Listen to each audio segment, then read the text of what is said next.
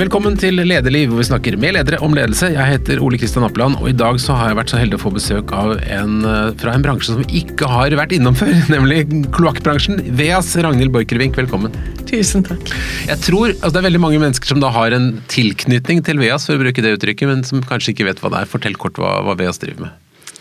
Vi renser avløpsvann. Det er jo ikke bare kloakken, men det er også alt eh, vannet fra dusjen og vaskemaskinen din og oppvasken. Eh, og vi renser jo vann for ca. 70% av Oslos befolkning og hele Asker og hele Bærum. Ligger ute på Slemstad i Asker. Er det en gammel virksomhet? Startet opp i 1982. eh, Og så har vi vært ombygget flere ganger. Ja. Og det er eh, si, hvor, hvor, hvor rent er ting når det kommer ut fra dere? Vi sier at det er badevannskvalitet når vi slipper det ut. Og en av eh, de målene vi har, er jo å fjerne alle uønskede utslipp. Så i prinsippet kunne vi jo renset opp til drikkevannskvalitet, men det hadde krevet mer rensing. Ja. Vi skal snakke mer om det, men først så må vi litt innom historien din og CV-en din. For du, du, har en ganske morsom vei, syns jeg. Du har gjort mye rart. Eh, fortell, altså, du, du, startet som jurist. Ja. ja. Ja. jeg er utdannet jurist og advokat. Mm. Ja, Dommerfullmektig, advokat, vært i Norske Skog, Vikenskog, drevet litt for deg selv til, vært tilknyttet vår bransje. Gelmen Kise har du vært litt mhm. borti. Mhm. Og så kom du til Veas for, no, for, noen år siden. Hva er den røde tråden i denne spennende karriereveien? Det er vel det å være åpen for nye muligheter. Jeg har jo aldri visst helt hvor veien gikk. Har aldri helt klart å se rundt neste sving. Og så har jeg vært veldig åpen for å ta nye muligheter. Og så i 1997 så tok jeg et helt bevisst valg på at jeg ikke ville jobbe i oljen. Eh, da hadde jeg vært advokat noen år, og da hadde jeg lyst til å gå fra å være konsulent til å være inni en bedrift. Og da tok jeg på en måte mitt grønne valg. og tenkte fastlandsindustri, det er det jeg har lyst til å jobbe med. Eh, for jeg følte at alle de gode hodene gikk til oljen den gangen. Så jeg tenkte noen må jo drive med det vi skal holde på med etter oljen også. Hva var det som tente den, det engasjementet? Jeg er vel litt kontrær. Altså jeg, hvis alle går i én retning, så spør jeg alltid hvorfor går alle i den ene retningen. Altså hva, hva, er det andre alternativet? Det har jeg alltid, sånn har jeg alltid vært. Jeg har på en måte alltid levd utenfor boksen. Så, så jeg stiller jo alltid, det er kanskje den juridiske utdannelsen, at vi alltid spør hva er den andre siden av saken. Var du sånn som barn også? Kan hende, ja. Kan hende. Ja. I matte, for eksempel. Ja. Hvordan da? Nei, jeg jeg husker vi skulle lære å gange ti ganger ti. og Da la de opp ti klosser den ene veien, og så la de opp ti klosser vinkelrett på. Og så sier jeg men det går ikke, fordi at den klossen i hjørnet blir telt to ganger. Og det, kunne, altså, det, at det var to dimensjoner, det klarte jeg ikke å ta inn over meg. Så, så det at vi hadde jo lært at vi kunne ikke telle en ting to ganger. Så det der med logikk, øh, og særlig i matte, det, det slet jeg litt med. Mm. Fordi jeg ikke tenkte som de andre. Men dette med ledelse, så du for deg tidlig at du skulle bli en leder? Jeg har nok alltid vært en ledertype. Eh, fra veldig tidlig. Alltid, ofte den som Når det står en gruppe mennesker og lurer på hva man skal gjøre, så er det jo alltid noen som stikker seg ut og sier ok, jeg tror vi gjør sånn og sånn. Og det har ofte vært meg. Så om jeg har vært formell leder Det har jo ikke vært så lenge, men, uh, men alltid, har nok alltid tatt uh, ansvar. Hvorfor tror du det er sånn? Jeg er eldst av to. Mine foreldre var opptatt av å gi oss ansvar. De eh, var, eh, de var flinke til å gi oss oppgaver. Og eh, så er det vel noe om verdien av at liksom, du skal jo fremover. Du skal jo gjøre noe. Du kan ikke bare stå og se på hverandre og, og liksom ikke komme av flekken. Så det, det er vel litt det her. Mm. Mye av yrkeskarrieren din har jo da vært i, i skog, som heller ikke har snakket så mye om ledelig. Hva var fascinerende med den bransjen? Altså, Norske Skog var jo papirprodusent, så, så skog var råstoffet. Men, eh, men, det var jo det å produsere og selge papir som var eh, businessen. Og det som var fascinerende med Norske Skog, det var jo at det var et norsk firma med internasjonale forgreninger, eh, som etter hvert ble globalt.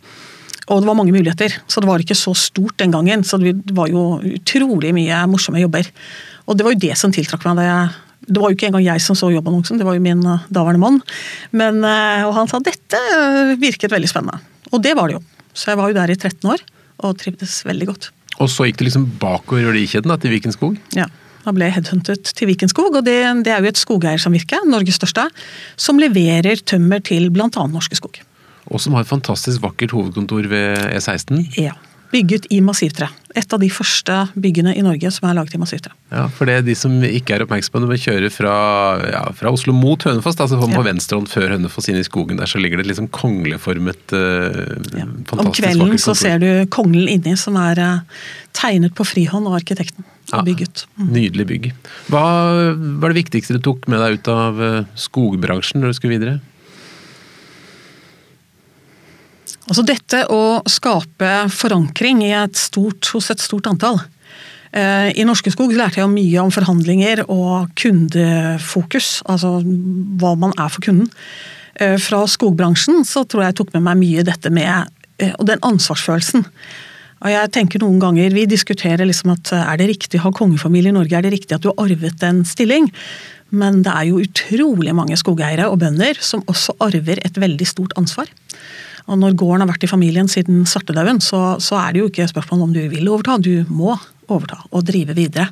Og ivareta eh, verdiene og, og, tradisjonene, på en måte. Så det er mange mennesker som har det sånn, at de drar med seg en ganske betydningsfull arv.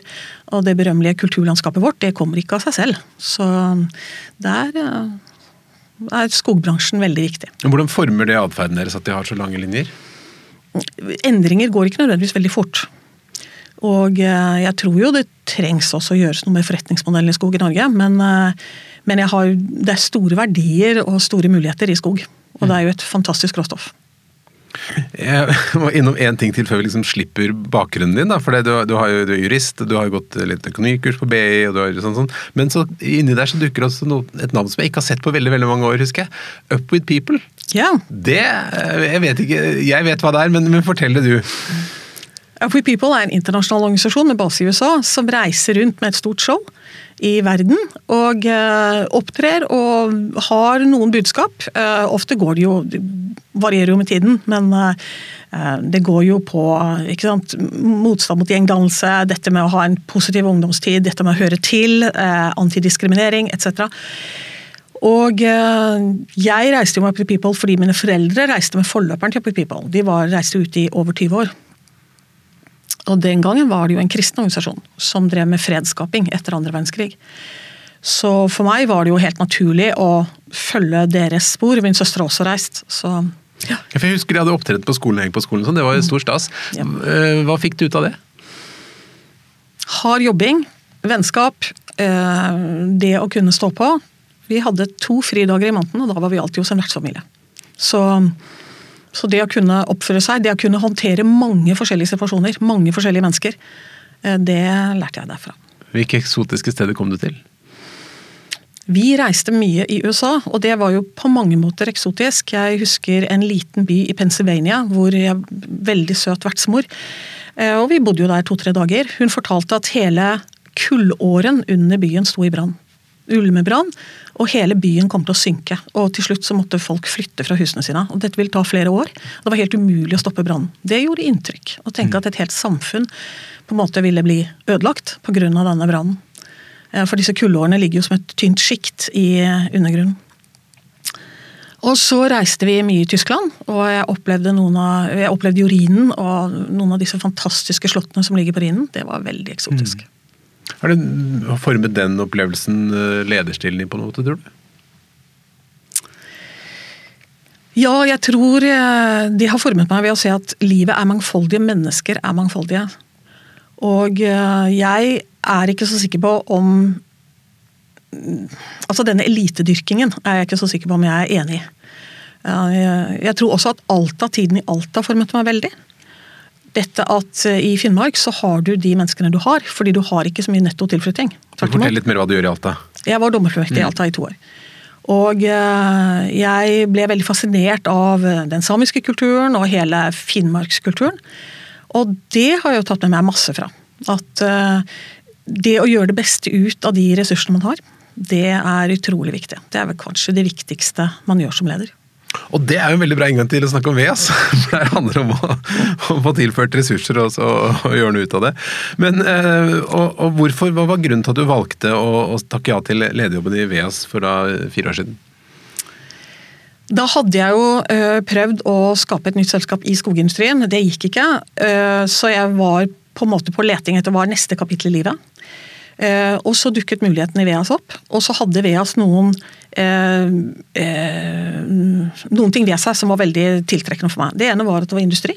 Prosessindustri. Det hadde jeg jobbet i mange år i Norske Skog. Liker prosessindustri som system.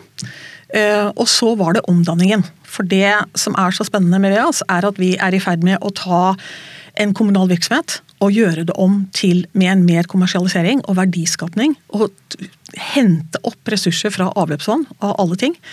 Og eh, lage nye produkter som går tilbake igjen til samfunnet. Det er en enorm omstilling. Eh, det har nesten aldri vært gjort i kommunal sektor utenfor kraftbransjen. Det er utrolig spennende. Så det å, denne omstillingen, det, det, grønne, alt vi driver med er jo i prinsippet grønt. Vi, vi henter ut en biologisk ressurs og henter ut nye produkter av det. Men når jeg har lest om Veas tidligere, om, så, så, er det selvfølgelig masse snakk om skitne ting som er i, i kloakken. Og så er det mye snakk om alt det som folk kaster som de ikke burde kaste der. og de, At man ikke skal kaste q-tips og våtservietter og alle disse tingene. Men, men hva, det, er, vel ikke det du snakker om? Hvilke ressurser Nei. er det som ligger i, i kloakken eller avløpsvannet som du vil hente ut? Ja, Det første vi har gjort er å bygge et biogassanlegg. Så vi kan lage flytende biogass. Det er drivstoff. Så vi har jo en hel mengde med busser og lastebiler i dag som går på biogass, flytende biogass. Eh, det er et kjempegodt drivstoff, og du kan jo kjøre over 70 meter med en trailer på ett toalettbesøk. Og det er litt kult. Du burde gå mer på do, egentlig? ja, ja. Så spis litt mer ribbe ja, i Gyllestad. Um, og, eh, så, så, biogassen er første steg. Og det er en eh, kommersiell suksess så langt, så det er et veldig spennende prosjekt. Så ser vi på jordsiden. Vi får jo ut et jordprodukt. Ehm, og det jordproduktet, hva, hvordan kan vi verdiskape på det videre? Hvordan kan vi lage nye jordprodukter? Og så treffer vi jo et marked som skal fase ut torv. For torv er fossilt. Eh, altså det, det gjenskaper seg ikke. Ehm, og da skal vi jo fjerne torven fra jord. Og eh, hva skal vi da putte inn istedenfor? Det skal være et organisk materiale. Det skal være trygt. Og eh, så Det er neste store mm, oppgave, neste store prosjekt. Og så, du skal inn i landbruket nærmest? Ja, mm. vi er allerede i landbruket. Ja, for dere, dere, har jo avfall på jorder i dag også? Ja, vi har det som vi kaller biorest mm. på, på korndyrkingsareal på Østlandet. Og så skal vi verdiskape videre på det. Og så har vi et veldig morsomt prosjekt. og det er at Når vi lager biogass, så har vi en fraksjon med CO2. Og den er ganske ren, så den skal vi rense opp og lage kullsyre. Rett og slett kullsyre vi kan putte i øl og brus. Så vi har et samarbeid med Vettre bryggeri i Asker. Og i 2022 så skal vi lage en, en runde med øl. Med kullsyre fra VS. Så i fremtiden så, vi da, så kan vi spise mat som er dyrket i jord, fra, som er delvis da kompostert opp med dette, og så kan vi drikke øl med, da, kullsyre, med kullsyre og korn som har vokst i den samme jorda, og så mm. kan vi kjøre bussen hjem på den samme Nettopp. tingene. Nettopp. Det må jo være sirkulærøkonomi av beste sort? Dette er sirkulærøkonomi i praksis. Så det er ikke Jeg tenker at vi har en lett historie å fortelle når det gjelder sirkulær økonomi. For folk skjønner jo det at de, de produktene vi får ut, det, det, er ikke vanskelig å forklare dem. Men dette, hvor, hvor nytt og spesielt er det? Det har vært en, eh, lenge en erkjennelse av at det fins ressurser i avløpsvannet. Men å sette det i system, det har manglet. Så vi lagde i 2018 en strategi som går mot 2040. Og Der har vi tre vi kaller det strategiske bobler. Det første er å fjerne alle uønskede utslipp. Da er det ikke bare CO2, eh, men det er også til vann og jord. Og så er det, eh, og Da kunne vi jo i prinsippet renset opp til drikkevannskvalitet. Neste er at vi skal gå fra selvkost, altså fra å kreve gebyr av innbyggerne, til å tjene penger. Det er det ingen andre renseanlegg i hele verden som har satt som mål. Så skarpt mål. Så vi skal klare å gjøre, kommersialisere opp, slik at vi ikke trekker én krone i gebyr. Og I prinsippet får du da betalt for å gå på do. Så vi kan drømme om at vi får egentlig snudd inntektsstrømmen? og får litt, litt, litt avkastning? Det er et ledningsnett imellom. Ja. Jeg sier bare mm. det er et ledningsnett imellom skal også betales. Så det er ikke sikkert at vi som innbyggere får helt null, men at renseanleggene etter hvert kan gå til null. Og, og være pengemaskiner istedenfor. Mm. Men de 800 000 menneskene som da bruker avløpsnettet tilknyttet Veas, de blir da på en måte både kunder og leverandører til dere? da? Ja, det gjør de. Så det, det er en veldig spennende omstilling. Helt nytt. Den tredje boblen vår det er at vi skal være en samfunnsaktør, og vi skal være en god nabo. Og det er jo viktig. Vi, vi må jo tenke at vi, vi, ligger jo på en strand eh, rett ved sjøen. Vi, med, vi har boliger rundt oss, vi har et naturreservat på åsen over anlegget. Og vi skal være både en god nabo lokalt, og vi skal være nøtteknekker i samfunnet. Vi skal ta opp problemstillinger i samfunnet, prøve å være en del av løsningen. Ha et åpent sinn for nye ting. Og når du sier anlegget, så er det på, det ligger i Slemmestad. Kan, kan, du beskrive Det er jo veldig få Ja. som har sett det, for det er jo under bakken. Det er under bakken, det er inne i fjell. Det er inni en ås. Og der ligger det åtte enorme prosesshaller, kjempedype, kjempestore, hvor vannet sildrer igjennom og blir renset underveis. Eh, Så er det presser som presser ut vann av, av slammet, og etter hvert som blir varmet opp og hygienisert. Og så er det fire gigantiske betongtanker hvor vi, lager, hvor vi får, henter ut biogass. da. Så Hvor mange mennesker jobber i den organisasjonen? Cirka, litt over 100. Og hva var eh, reaksjonen internt når du kom inn på sjefskontoret og skulle forandre på alt? Eh, Jeg kom inn i en litt spesiell situasjon fordi at eh, den forrige sjefen hadde måttet gå. Så jeg tror kanskje det var en lettelse, eh, og så var det jo en veldig spenning. Eh, Og det var jo en organisasjon som krevde en del røkting. Altså, det var jo en organisasjon som hadde levd under vanskelige forhold en god stund. Så det å bygge tillit, og det å la folk føle trygghet i rollene sine, og også delegere. Så jeg husker første uken jeg var på jobb, så fikk jeg et papir på pulten hvor, jeg, hvor det ble spørsmål skal vi ha betong eller leka i disse bassengene. Og jeg sa det har jeg virkelig ikke noe synspunkt på. Det må noen som kan mer om dette enn meg bestemme. Og det viste seg å være en slags test. ikke sant? Det, tidligere så hadde alltid sjefen bestemt sånne ting. Og det, sånt gjør ikke jeg. Jeg kjenner ikke hver skrue i anlegget, men det er heller ikke min jobb. Hadde hadde du en klar eh, filosofi med det etter å ha gjort noen lederjobber tidligere på hvordan du ville være som leder i VEAS? Nei, det hadde jeg ikke. Jeg har noen grunnleggende verdier som leder. Men jeg Du må jo møte den organisasjonen der de er. Så det første for meg var jo å kartlegge hvor er organisasjonen. Hva er det som brenner mest her? Og for eksempel, eh, hadde en, ja, Man hadde en litt uklar ledergruppe, så det første var jo å etablere en fast ledergruppe. Eh, Hvem skal rapportere til meg, hvem skal ikke det? Og det andre var jo å sørge for at og, og tillit mellom disse personene. Og tillit utover i organisasjonen.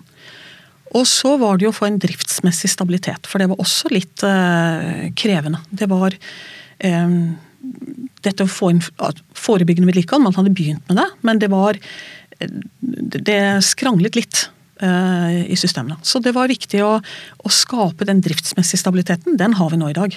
Så det så lederrollen min har jo endret seg veldig på de fire årene jeg har vært i VEAS. Og behovene for hva jeg er i organisasjonen har også endret seg veldig. Men Du sa du hadde med noen grunnleggende verdier. Hvilke er det? Jeg nevnte det i stad, og det, en av de viktigste verdiene for meg, det er jo å utløse potensial i hvert menneske. Det, eh, jeg er veldig imot de som sier at vi ansetter bare de beste av de beste. Norge er et lite land, og vi får ikke bare nobelprisvinnere. og det er ikke bra heller. Det ville ikke vært bra. Eh, Det å, det å klare å utløse det beste i hvert enkelt menneske, det skaper så utrolig mye merverdi. Både for den enkelte og for organisasjonen. Så det er jo det som er jobb nummer én. Og som leder så tenker jeg det For meg er det det mest givende. Når jeg ser folk som har, går fra at vi tar dem inn på Nav-tiltak, til at de får fagbrev og får fast jobb, det er helt fantastisk. Jeg blir så glad hver eneste gang. Mm. de får jo da tilhørighet til arbeidslivet. De tjener penger, de kan forsørge seg selv. Og de sparer jo samfunnet for mye penger òg. Jeg har tenkt at uh, uføretrygd i et langt liv må jo være verre enn fengsel. Det er jo en utestengelse. Og eh, det er ikke noe gode. Eh, det er et virkelig onde for den enkelte. Så det å sørge for at folk eh, forløser sitt potensial, så gjelder jo ikke det bare de som går på Nav-tiltak, det gjelder jo alle eh, områder. Eh, det gjelder å bygge gode fremtidens ledere. Det gjelder å la folk få nye erfaringer. Eh, folk skal kunne mm, jobbe litt på kryss og tvers i en organisasjon. Så det er kjempespennende. Og den biten der er kanskje jeg vil si Det er to viktige prinsipper. Det ene er å bygge hvert enkelt menneske, forløse det potensialet de har. Og det andre er at lederen må ha et overblikk. Og det er jo en ting jeg syns jeg ser, savner mye i både lederdebatter, men også generelt i næringslivet. Ikke bare i Norge, men mange andre steder. At lederne blir altfor operative. Mm. Altfor kortsiktige. De klarer, ikke, de klarer ikke å se frem. Det er for mye her og nå. Altfor mye her og nå. Mm. Men det, vi må dvele med, med dette ved å få ut det beste i hver person. Eh, og det er jo en, noe som alle selvfølgelig vil si at de gjerne vil. Hvordan gjør man det? Hvilke grep bruker du? Det kommer jo veldig an på hvem de er. ikke sant? Jeg er jo av og til litt sånn at jeg deler folk i to grupper. Det er Solan og Ludvig. Mm. Folk er enten Solan eller Ludvig. Mm. Og jeg er jo en Solan, eh, og da må jeg passe på å ha noen Ludviger rundt meg. Noen forsiktige mennesker. Um, og noen analytiske mennesker ikke sant? som går gjennom og, og som alltid ser farene. For jeg ser alltid mulighetene. Uh, og så er jeg nok blitt mer, altså fra å være en helt Solan, så er jeg nok blitt litt mer Angela Merkel-type etter hvert som jeg har fått litt mer erfaring. Um, og litt mer forsiktig selv også. Men, men det å, forløse potensialet, det betyr jo ofte å dytte dem vennlig ut av komfortsonen. Uh, og da er det jo om å gjøre Jeg tror ikke på det å liksom slippe folk ut på dypt vann og si bare svøm. Men jeg tror at man skal alltid ha den livveien i bakhånd, og de skal vite at de har trygghet. Og, men mennesker liker mestring. Og så gjelder det på alle nivåer. For noen eh, er det å ta en telefon til noen de ikke turte å ta den til, og for andre er det å ta en doktorgrad. Ikke sant? Så det er det å dytte folk eh, vennlig ut av komfortsonen. La de få nye oppgaver. Men det er ganske krevende, for du må være god til å se akkurat hvor folk har grensene sine, da? Ja, så må du jo lytte til folk. For jeg tenker jo ofte det at vi har også en tendens til å uh, forutsette ting om andre folk. Uh, og, og, av og til så har man jo diskusjoner i ledergruppen og den har potensial, den har ikke. Så sier jeg ja, men har vi snakket med vedkommende hva de vil? Og det føler jeg av og til vi mangler lite grann. Mm. At vi er ikke flinke nok til å involvere. Så rett og slett det å snakke med folka mine og finne ut hva er det de egentlig ønsker seg. Hva er det de har kompetanse på, hva er det de føler at de mangler i jobben sin i dag. Så i min ledergruppe så har det jo vært mm, flere som har skiftet rolle, eh, og som gjør noe annet og mer enn det de opprinnelig gjorde. Mm. Betyr det at du også snakker mye med de som er lenger nede i organisasjonen, ikke bare har samtale med din egen gruppe? Ja. Um, I begynnelsen så hadde jeg jo kanskje 50 samtaler med første måneden. Med alle mulige. altså Det var hovedtillitsvalgte, det var det var eh, diverse fagorganiserte fra alle organisasjonene, ledergruppen, eh, andre ressurspersoner osv. Og, og så har vi jo hele tiden det inne. Vi har jo mange prosjekter og prosesser. Så jeg holder jo en kontakt med mange personer i organisasjonen direkte. Er det en utfordring, det å skulle lede gjennom mellomledere og samtidig ha en direkte dialog med de som er på nivået under? Ja, det er en utfordring hvis det blir en sånn uh, kortslutningsvei. Så kan det være en utfordring.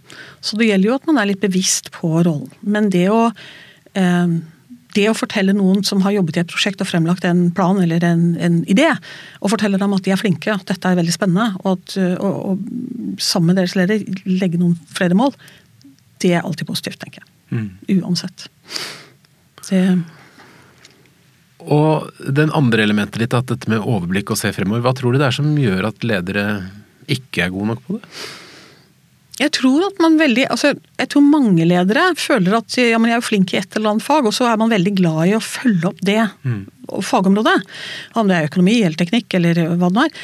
Ehm, så, så vil man ikke helt slippe av det man opprinnelig holdt på med. Det er den ene biten. Den andre biten er jo det at folk blir sugd opp i detaljer. Altså, Vi er sånn som mennesker. At Eh, og så kommer det masse sånne kriser. ikke sant? Kriser er liksom hva skjer i dag, hva skjer i morgen? ikke sant? Mm. Eh, og jobben til leder tenker jeg alltid liksom gå opp på fjellet og se utover. Hva er egentlig, hva er det egentlig som skjer? Tolke mange forskjellige signaler, hente mye informasjon og prøve å knytte sammen ting som eh, de kanskje ikke er noe åpenbar sammenheng med, men prøve å knytte sammen forskjellige impulser. Og lage seg et eh, strategisk bilde, da. Men det kan jo tenkes at det er lettere i en virksomhet som din, hvor ikke har, det er liksom ikke noen kunder som plutselig sier opp eller uh, sånn Det er en ganske sånn jevn flyt, for å bruke det uttrykket. Uh, og, og, du har stabile, store offentlige eiere osv. Mens, mens i en mindre virksomhet hvor man har masse kunder og mer, mer daglige leveranser, så kan det kanskje være vanskeligere å ha den roa for en leder? Jo, men jeg tenker at du, du, skal i prinsippet ha en god nok organisasjon til at daglig drift burde gå uten deg. Altså, Hvis lederen skal drive med daglig drift, så tenker jeg da er det en svakhet. Mm. Fordi at lederen skal jo kunne altså Noen i organisasjonen må kunne ha det overblikket. For det er jo klart, selv i en liten bedrift, hvis kundene dine plutselig forsvinner fordi at du er i feil segment, da har du et kjempeproblem. Og det bør du helst se eh, litt grann før det skjer. Ehm, og eh, hos oss så er det klart at ja, på en måte er vi langsiktige, men på en annen side, våre kjære offentlige eiere eh, kan jo ha veldig forskjellige prioriteringer, og ting dukker og popper opp på agendaen. Eh, veldig sånn adhoc-metoden. Og da er det masse fokus på det akkurat der og da, og så kan det forsvinne. Så, så agendaen kan, kan, fort fylles opp med sånne punkter som skal svares ut her og nå. Vi har hatt gjester her som er veldig opptatt av, av å Litt i den tråden du sier, å, skjerme seg selv og sette av en dag i uken til å gå tur i skogen og sånn. Er det også din tankegang, eller? Nei. Øh, men jeg tror der er vi veldig forskjellige. For noen må ha egen tid. Lukke ørene og øynene og, og, og, være veldig for seg selv. Jeg er nok en sånn person som henter energi av å være sammen med folk. Um, og det skjer utrolig mye i det dynamiske møtet med mennesker. Og noen sier et eller annet i lunsjen, og så plutselig ah, det var en god idé. Det er en tanke. Jeg kom akkurat fra ledermøtet nå, og der hadde vi en, vi har en fransk kollega, og han, han sa en bisetning helt stille bak i lokalet. Jeg tenkte det der var, det var en crazy idé, men det er veldig morsomt. Og, og, sånne ting. Det å også forløse at det skal være lov å tenke ville tanker. Eh, dette med innovasjon. Vi har jo en veldig enkel innovasjonspolicy ved oss. Det er at liksom ville ideer mot oss med takk. Enkelt og greit. Det skal være lov å tenke så vilt du bare vil. Så gjør vi ikke nødvendigvis tester i fullskala. Vi, vi, er jo forsiktige sånn sett, men, men, vi kan liksom ikke sette grenser for idétilfanget vårt. Men uh, når du spør om skjerming, nei. Jeg tenker mye jobb når jeg ikke er på jobb. Det, det surrer og går i bakhodet. Det tror jeg det gjelder de fleste ledere. ja. ja. Uh, og det er ikke plagsomt. Det, det, og noen ganger kommer du opp med geniale ting, og noen ganger uh, sover du på det og har løst uh, noe. Så, men jeg trives veldig godt sammen med menneskene mine. Jeg er veldig glad jeg, være glad jeg er tilbake på kontoret. Men dette, hvis du da mentalt da, er langt inn i fremtiden og de store tankene hvor dere skal være om eh, x antall år og sånn, og så kommer du i møte med da en ledergruppe som er mye mer nede på å løse dagens problem, kan det være noen utfordring? Da prøver vi å hele tiden sørge for at vi klarer å ha de langsiktige perspektivene også. Så vi, en, vi, prøver å ha en blanding av saker. Både saker som krever eh, her og nå-oppfølging, og litt mer langsiktige saker. Så i dag hadde vi en prosjektgruppe inne som skulle egentlig se på vår nye utslippstillatelse. Og da gikk jeg gjennom på en måte våre planer de neste ti årene. Og så liksom For at vi skal kunne se det i sammenheng. Vi må passe på at ikke utslippstillatelsen vår setter unødvendig begrensning på oss. Eh, eller blir altfor streng eller uhensiktsmessig. Mm. Så, så, det gjelder å ha litt mer overblikket um, når vi legger betingelsene våre. Altså Hvis man vet hvor man skal, så vet man jo, kan man jo også sette kursen. ikke sant? Så vet man at det er noen hindre på veien hvor du må unngå det. Men, men da vet du iallfall hvor du skal. Det er viktig. Mm. Du er en virksomhet som er eid av flere kommuner, og det er det etter hvert ganske mange virksomheter som er. Hva er fordel og ulempe med en sånn form? Jeg tror det er en stor fordel at det er tre store kommuner som samarbeider. Jeg tror det er, det er veldig bra med et regionalt samarbeid. Og så har det vært noen utfordringer, eh, særlig i styringen. Fordi kanskje Oslo kommune ikke har vært fullt så aktiv som de kunne ha vært hvis de hadde brukt mulighetene fullt ut. Eh, og det blir de nå. Så fra årsskiftet så får vi en annen selskapsform. Vi blir et konsern. Et eller flere aksjeselskaper. Og da får vi en ryddighet både blant, eh, med eierne, og vi får også Oslo med, mer på banen. Det blir veldig bra. Mm. Og så får vi også ryddet mellom det kommersielle og det offentlig finansierte selvkost. Um, det skal være ryddighet der. Alle disse kommunene snakker mye om bærekraft og det grønne skiftet, men jeg har ikke hørt dem snakke så mye om, om VEAs engasjementet der. Er det, er, det, er det, en utfordring å liksom synes? Ja, Tidligere har vi følt at det var en utfordring. Og så er det klart at inntil koronaen traff oss, så var jeg mye ute og holdt foredrag rundt omkring. Men det er jo klart det er en evig kommunikasjonsjobb. Og så tror jeg jo også på at vi må synliggjøre hva vi gjør. Den dagen jeg kan tappe en kullsyrepatron, ta den med og si at den kan dere putte inn i vannautomaten her på jobben, og den kommer fra VEAS, da først går det virkelig opp for folk hva dette er. Det må synliggjøres. Fryktelig vanskelig å snakke om et bulkprodukt som man ikke ser. Altså Biogass blir lastet opp i svære tankbiler. Mm. De ser ikke det. Så i det øyeblikket vi klarer å få noe som er synlig, drikke den ølen med VEAs kullsyre i, da Der har vi for øvrig fått veldig mange frivillige til testpanelet. Jeg føler meg ikke helt trygg på at det kommer til å stå sånn med store bokstaver på etiketten. Ja, det får vi se. Det får vi se. Det blir spennende å se på. Men, men eh, det eh, at, dere, at, det ligger så mange muligheter i, i avløp da, som ikke har vært utnyttet, betyr at vi har egentlig kastet bort mange muligheter over mange år? Ja, det har vi. Og jeg tenker jo at det er på en måte en plikt for oss å synliggjøre for våre eiere hvor mye verdiskapning som ligger i mulighetene her. Så får jo eierne vurdere skal det være privat, privatisert eller eh, fortsatt i offentlig eie. Men det er jo akkurat det samme som da vi fant oljen. Det var en fellesskapsressurs, og vi lagde et oljeregime som har vært veldig lønnsomt for Norge. Og akkurat på samme måten så er dette en fellesskapsressurs. Du kan ikke identifisere én eier. Eh, og da må vi forvalte dette på en god måte. Og så må vi synliggjøre verdiene, og så får våre eiere og, og kommuner og stat eh, lage regelverk som, som løser ut verdiene. Eh, og det, det, er veldig spennende. Det bor masse ressurser i dette vannet. Mm. Og så jo, håper jeg jo at det kan spre seg ikke bare til resten av Norge, men også til resten av verden. At man begynner å ta i bruk ressursene på en bedre måte. Kan det finnes andre ting? Jeg holdt på å si Gull eller metaller eller andre ting i avløpsvannet? Ja, jeg, Det kommer jo an på hvor mange ringer folk slipper i do. Mm. Det hender jo at det skjer også. Men eh, det fins ganske store mengder metall. Sink og kobber er det vi har mest av. Og da snakker vi flere... Da Kommer det fra rørene da, eller? Mm. Mm. Sink kommer mye fra bildekk, og kobber kommer fra kobberrør. Og de, det vaskes ut, men det, da snakker vi liksom på molekylnivå. Uh, vi skulle jo gjerne hatt noen som hadde teknologi for å hente ut metaller fra vann. Det hadde vært spennende. For det er Men det har du ikke ennå? Store mengder. Nei. Den teknologien fins ikke. Eller den er for dyr for våre mengder.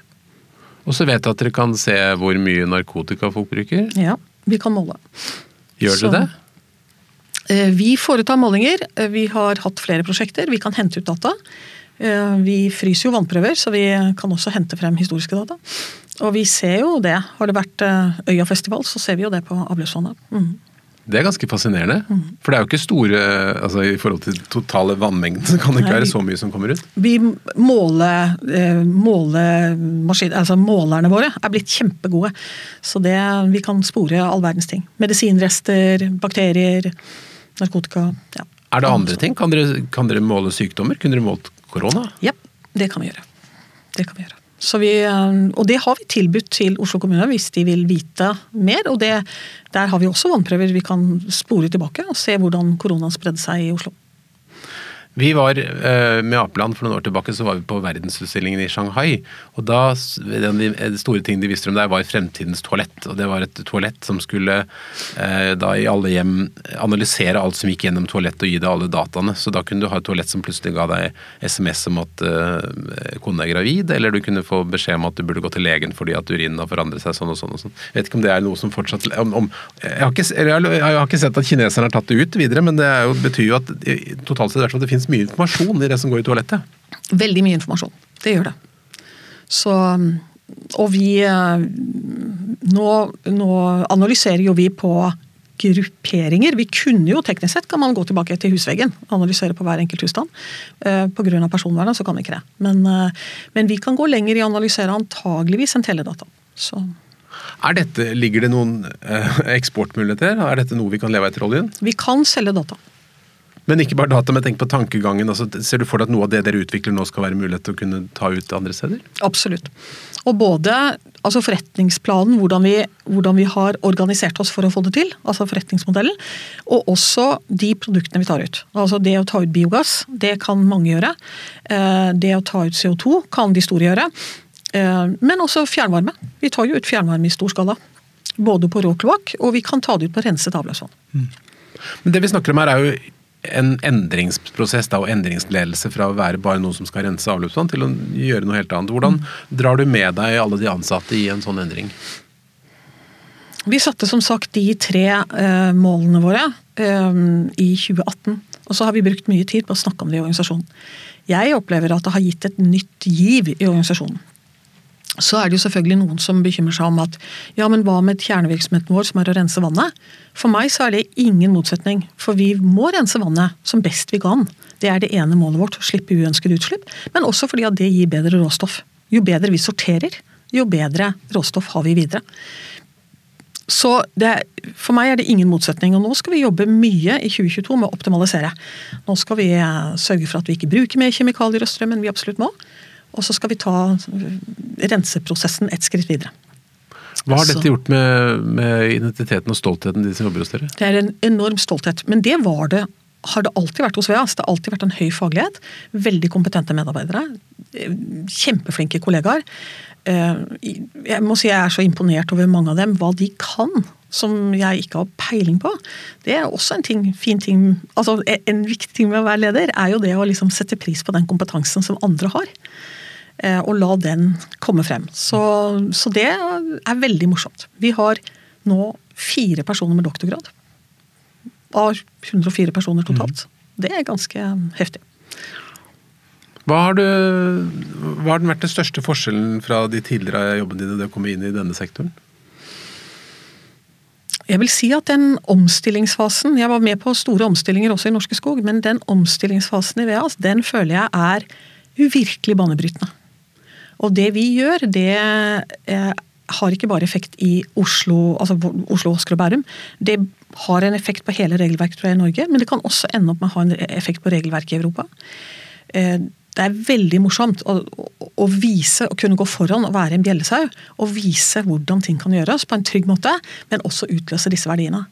Og, og det er jo det sirkulære. Vi kan ikke kaste vekk så mye ressurser som vi har gjort tidligere. Vi skal uh, egentlig bringe tilbake alt vi kan. Ikke la noe gå til spille. Mm. Og det er utrolig morsomt å jobbe med. og jeg tror alle på VEAS føler at det er utviklingsmuligheter og, og morsomme oppgaver som ligger foran dem. Um, ja, sånn at uh, jeg tror veldig mange som, som, hører på nå, kan tenke at oi, dette høres gøy ut. Jeg kunne tenkt meg å vært en sånn leder som gikk inn i en offentlig virksomhet og transformerte driften, ble mer bærekraftig, fikk løftet frem de ansatte osv. Så, så tror jeg mange føler, hvis man prøver det, så møter man en eller annen kulturell eller byråkratisk mur som gjør at ting ikke alltid er så lett da, å endre noe. Hva vil dine råd være for å faktisk få gjennomslag? Altså, VIAS hadde den fordelen at VIAS alltid har vært en, en, selvstendig bedrift. Og det er en stor fordel. Det var ikke en etat. Mm. Uh, og det tror jeg er en uh, forskjell, ganske stor forskjell, å være en etatsleder.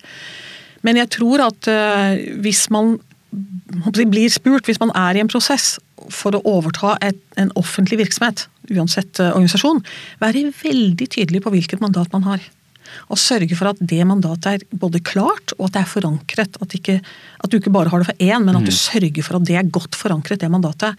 Hvis du har et stort endringsmandat, og så er det en eller annen over deg som ikke vil likevel, da har du et problem. Hvordan eh, sikret du det, da? Hos meg så var det et en, enstemmig styre. Styret var helt med på at vi skulle ha endring. Mm. Og eh, som sagt, jeg brukte jo et år to på stabilisering. Og, og, det opplevdes jo på en måte viktig og trygt. Og, og, og, så var det jo liksom å ta ja, men Hvis vi mener at det er så mye ressurser i avløpsfondet, da må vi jo si det. Da må vi jo rett og slett sette det i system. Og så har de vokst frem etter hvert. Mm. Du nevnte ganske tidlig fagforeninger. Det er jo også en, en viktig kraft. Mm. Hvordan bruker du fagforeninger best mulig? Jeg opplever fagforeningene veldig konstruktive, og det har jeg med meg helt fra norske skogtiden. Jeg har alltid jobbet tett med fagforeningene, eh, har kontaktmøter med dem. Sørger for å informere dem om større endringer veldig tidlig, så tidlig vi kan. Eh, vi har jo to ansatte i styret. Eh, de gjør en kjempejobb. Så det å skape forståelse og det å Føler de behov for å på en måte ta en ekstra runde, så gjør vi jo det, selvfølgelig. Og nå har vi akkurat gjennomført et lønnsoppgjør, og det gikk helt greit. Rolig for seg.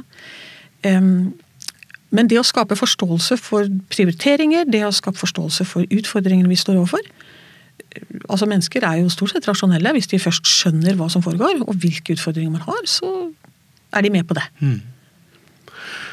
Du har jo har vært der i fire år, fått til en god del allerede. Hvordan ser det ut når du har vært der i 10-20? Da er vi eh, Jeg tror vi vokser på en eller annen måte. Jeg tror fortsatt vi kommer til å drive flere enheter. At vi ikke bare har anlegget på Slemmestad. Vi er jo i ferd med Vi holder på å planlegge å bygge en komposteringsfabrikk for jord eh, i Indre Østfold kommune. Eh, så det er en av tingene vi ser på. Men kanskje vi er del av større regionale løsninger også. Eh, og det er veldig spennende om vi kan ta en sånn rolle. Så jeg tror vi er større. Eh, jeg tror vi har eh, nye produkter. Jeg tror vi tjener betydelig med penger. Jeg tror det går fortere enn det vi opprinnelig tenkte. Så eh, jeg ser fremtiden som veldig lys. Og så håper jeg at vi kan være med på å sette premisser også utover vår egen region. Være med på et nasjonalt nivå, kanskje også et internasjonalt nivå. Hvis det kommer en ung person til deg, Ragnhild, eh, og sier jeg vil bli leder, jeg vil bli leder i kloakkbransjen hva, hva, hva er dine viktigste tre råd for å være en god leder? Det første jeg vil si er at eh, Vend oppmerksomheten bort fra deg selv. Ikke tenk så mye på hva du selv er og hvordan du selv opptrer. Tenk på de som er rundt deg. Prøv å snu sånn som du kan snu kameraet på mobilen. Prøv å snu det utover. Se de du leder. Prøv å forstå dem. Eh, og lytt til dem. Og du vil se at veldig mye av det du lurer på, det har de svaret på. Eh, så det å ikke være så selvopptatt altså Som unge er vi ofte veldig selvopptatte. og Prøve å snu det. Eh, så er det en, et viktig råd. Mm. Så vil jeg jo si at ha noen Hva er du opptatt av? Hvilke verdier har du? Er det eh, å motvirke klimaendringene? Er det det altoverskyggende for deg? Er det sosial rettferdighet? Er det fordi du er en kjempegod selger og, og, og veldig kommersiell? Eh, du må på en måte vite hva slags type du er, eller hva som er viktig for deg, hva som driver deg. Og det vil jo også styre til en viss grad hva du skal jobbe med. Eh, og det å være litt reflektert over det, tror jeg er viktig. Og så det tredje er dette med overblikket. Altså ha å være nysgjerrig. Jeg tenker at uh, altså Noen går kanskje tur i skogen. Uh, andre drar på konferanser. Uh, lytte til uh, vi, vi, har en egen avdeling for strategiutvikling. Lytte til hva som skjer. De har tentaklene utover hele verden. ha interesse. Spørre folk. Eh, og beholde den nysgjerrigheten. Og så prøve å dra sammen all den informasjonen du får. og liksom, Hva betyr det for oss om ti år? Hele tiden tenke langt frem. Det var gode, eh, gode råd. Og så er det jo litt fascinerende at vi nå alle sammen kan tenke når vi går på do at vi bidrar til noe positivt. da. Absolutt. Det er, eh, det er helt fantastisk hva man får ut av dette her. Og denne bransjen, kloakkbransjen som de kaller den, er kjempespennende å jobbe i. Tusen takk for at du kom til Lederliv, Ragnhild. Lederliv er en podkast fra kommunikasjonsbyrået Apeland. Vi legger ut nye episoder hver fredag. Redaksjonen består av Ellen Paulsen, Lars Jarle Melum, Lars Volden og meg, som heter Ole Kristian Apeland. Send e-post til tipsatlederliv.no, eller rett til meg på oleatapeland.no. Takk skal du ha.